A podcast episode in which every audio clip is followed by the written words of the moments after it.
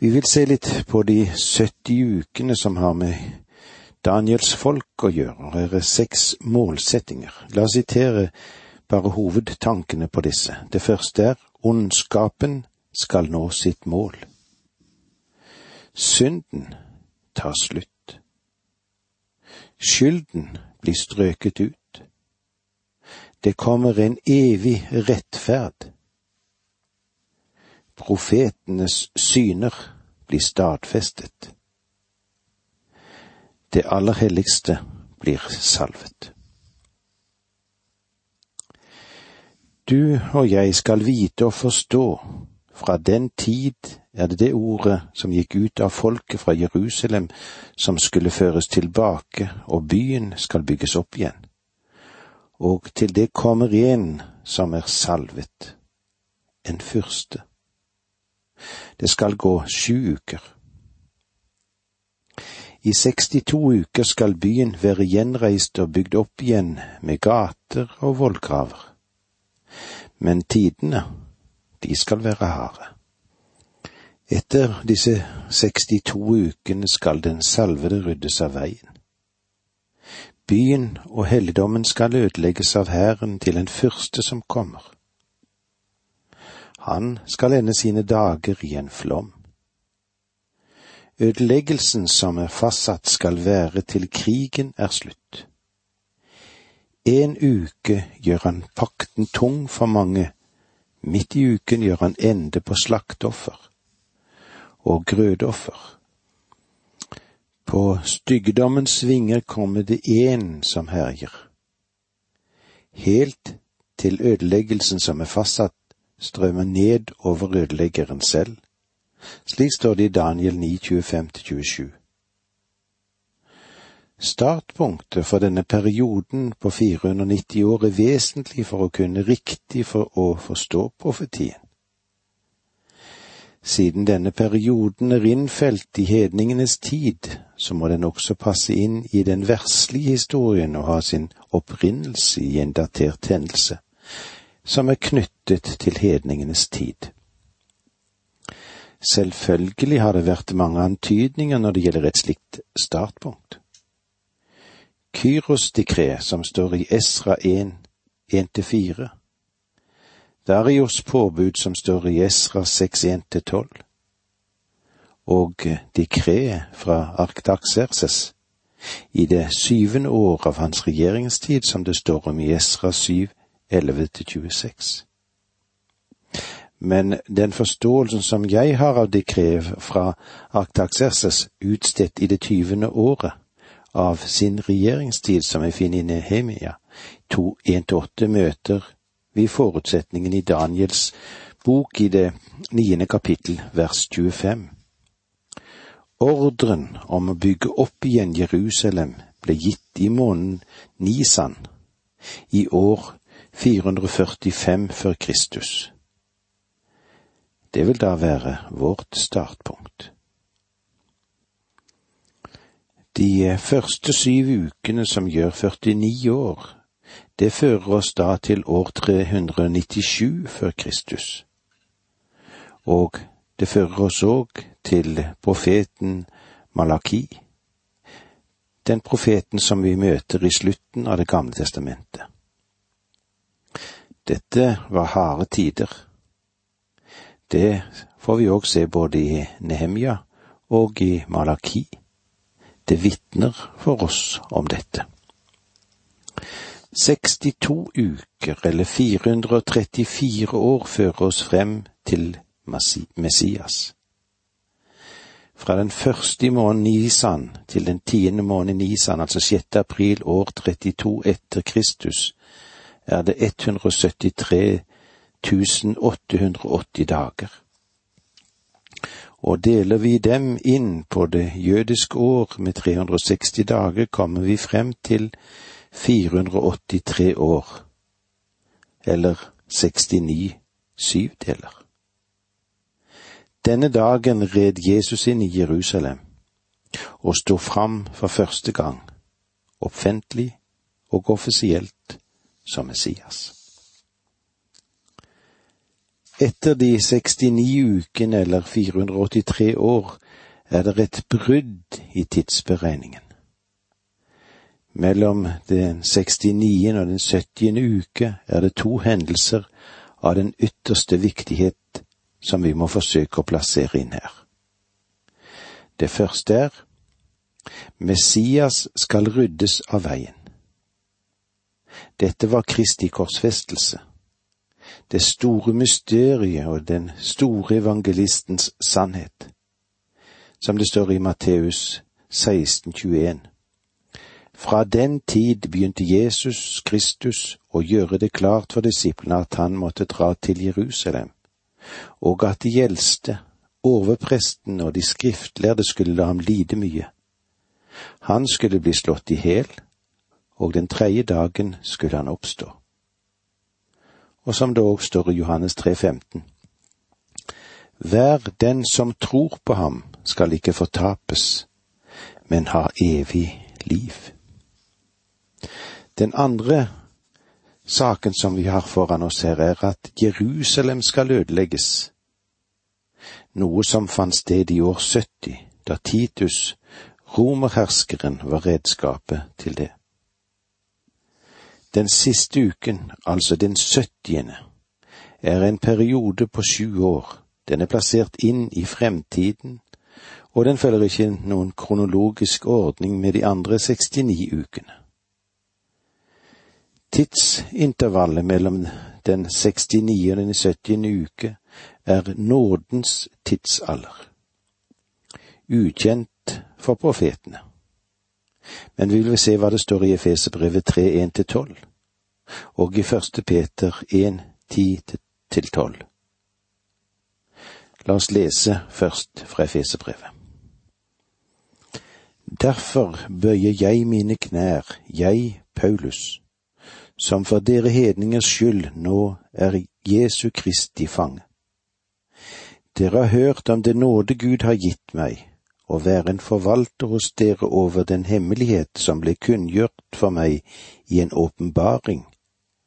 Jeg er ovenfor skrevet ganske kort om dette, og når dere leser det, kan dere skjønne hvilken innsikt jeg har i Kristi hemmelighet. Den var ikke gjort kjent for menneskene i tidligere slekter, men nå er denne hemmelighet ved Ånden blitt åpenbart for Hans hellige apostler og profeter. At også hedningen har fått del i arven, det hører med til det samme legeme å ha del i løftet i Kristus Jesus og i kraft av evangeliet og jeg ble en tjener for evangeliet da Gud grep inn med sin kraft og ga meg sin nådegave. Jeg, som er den minste av de hellige, har fått den nåde å forkynne for folkeslagene det glade budskap om Kristi ufattelige rikdom. Å bringe Guds frelsesplan fram i lyset, den hemmelighet som fra evighet har vært skjult hos Gud, Han som skapte alt. Slik skulle nå hans mangfoldige visdom gjennom kirken bli kunngjort for maktene og myndigheten i himmelrommet. Dette var Guds forsett fra evighet, det han har fullført i Kristus Jesus vår Herre. I ham har vi frimodighet, og i troen på ham kan vi komme frem for Gud med tillit.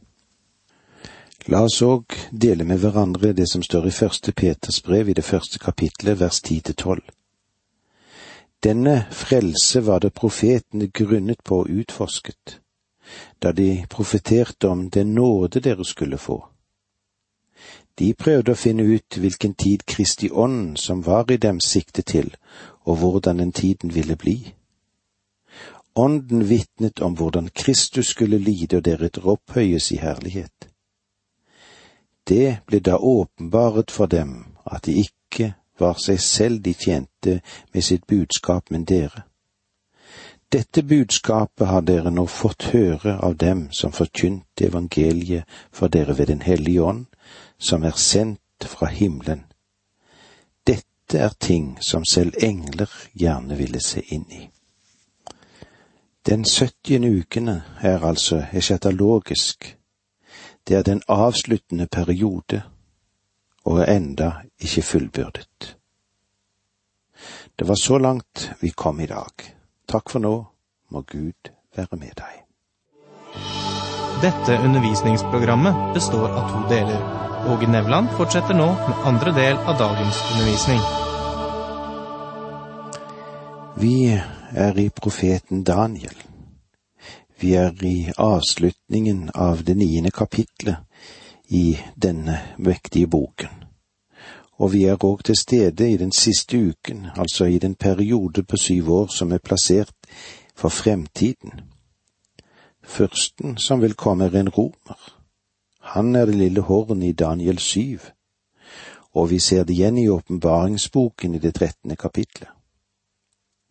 Etter at menigheten er tatt bort fra jorden, vil han gjøre en avtale med Israel. Israel vil akseptere ham som sin Messias. Men midt i denne uken vil han bryte pakten ved å plassere en billedstøtte i tempelet, som det står i Åpenbaringen 13. Dette er ødeleggelsens vederstyggelighet. Det Israel trodde skulle bli tusenårsrike, vendes nå til å bli den store trengsel. Jeg tror vi skal ta oss litt tid å lese fra Matteus 24, fra vers 15. Den ødeleggende styggedom som profeten Daniel har talt om, skal da stå på det hellige sted. Forstå det, den som leser. Når dere ser det, må dere som er i Judea flykte opp i fjellene. Den som er på taket, må ikke gå ned for å ta med seg noe i huset. Og den som er ute på markene, må ikke vende hjem for å hente kappen sin. Stakkars dem som venter barn og dem som gir bryst i de dager. Men be om at dere slipper å flykte om vinteren eller på sabbaten. For da skal det bli en nød så stor som det aldri har vært fra verdens begynnelse til i dag og som det heller aldri mer vil bli.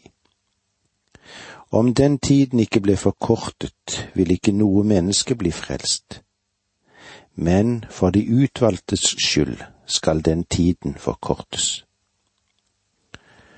Om noen da sier til dere, se her er Messias, eller der er han, så tro det ikke. For falske messiaser og falske profeter skal stå fram og gjøre store tegn og under, for om mulig å føre vill selv de utvalgte. Hør, jeg har sagt dere det på forhånd. Om de altså sier til dere, han er ute i ødemarken, så gå ikke dit ut, eller han er inne i huset, så tro det ikke. Her er det bare Kristi komme som kan avslutte denne fryktelige perioden. Og vi leser litt videre fra vers 27 til og med 31. For som lynet begynner i øst og lyser like til vest, slik skal det være når menneskesønnen kommer. Der hvor rådslet er, vil kribbene samles. Så snart denne trengselstid er over, skal solen bli formørket og månen miste sitt lys. Stjernene skal falle ned fra himmelen, og himmelrommets krefter skal rokkes. Da skal menneskesønnens tegn vise seg på himmelen, og alle folk på jorden skal bryte ut i klagerop, og de skal se menneskesønnen komme på himmelens skyer med stor makt og herlighet. Når basunen lyder, skal han sende ut sine engler, og de skal samle hans utvalgte fra de fire verdenshjørner, fra himmelens ene ende til den andre. Det er godt for oss, for du og jeg, for vi lever i nådens tid. Og den syttiende uke hos Daniel, den store trengsel som den Herre Jesus kalte den, står ennå igjen for å finne sin fullbyrdelse. Det var så langt vi kom i kapittel ni. Nå går vi over i kapittel ti, og her vil vi se litt om forberedelse til synet ved Daniels bønn. og de himmelske budbærere, de åpenbarer seg. De siste tre kapitlene i Daniels bok må vi se på som et syn. Det har å gjøre med folket Israel i den umiddelbare fremtid, og også når det gjelder de siste dager. Du møter for eksempel der det historiske lille horn, og også et lite horn, som angår de siste dager. Noen tolkere eller fortolkere mener at det siste synet er det største av alle av Daniels sine syner selv om det ikke har fått den posisjon, så utgjør det en enestående del i denne mektige boken.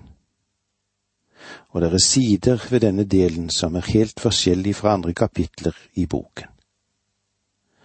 Og i dette siste synet ble til og med metoden for hvordan åpenbaringen kom, forandret. Enda et viktig faktum er at det gir oss visse detaljer som passer inn i de foregående visjonene. Selv om alt var profetisk da det ble gitt, er mye av det i dag fullbyrdet, og det tilhører historien. Men det er fremdeles en hel del av profetiske karakterer, det vil si det skal fullbyrdes i de siste dager. Grensen mellom det som er fullbyrdet og det som ennå gjenstår, er ikke alltid helt klar. Vi har allerede ved flere tilfeller talt om den doble henvisning. Det vil si at ting henviser både til en nær fremtid og en lokal eller nasjonal oppfyllelse, men også ha perspektiv for en endelig fullbyrdelse i fremtiden og eh, nå må det være klart at den umiddelbare fullbyrdelse i denne nære fremtid gir oss nøkkelen til fullbyrdelsen som venter oss i fremtiden. For eksempel gir den historiske fullbyrdelse i Anitikus Epafanes oss et bilde av den fremtidige oppfyllelse av det som vil skje i Antikrist. Nøkkelen til forståelsen av de tre siste kapitlene finner vi i den forklaringen som engelen gir Daniel. Som det står i det fjortende verset i Daniel 10. Nå er jeg kommet for å la deg få vite hva som skal hende folket ditt i de siste dager. For dette er enda et syn som gjelder de dagene. Med andre ord vil det gå lang tid før dette skal fullbyrdes, og eh, det angår Daniels eget folk. Det angår israelsfolket. La meg advare dere mot å forsøke å plassere menigheten inn i denne delen. For Daniel gjør det helt klart at han her taler om sitt eget folk.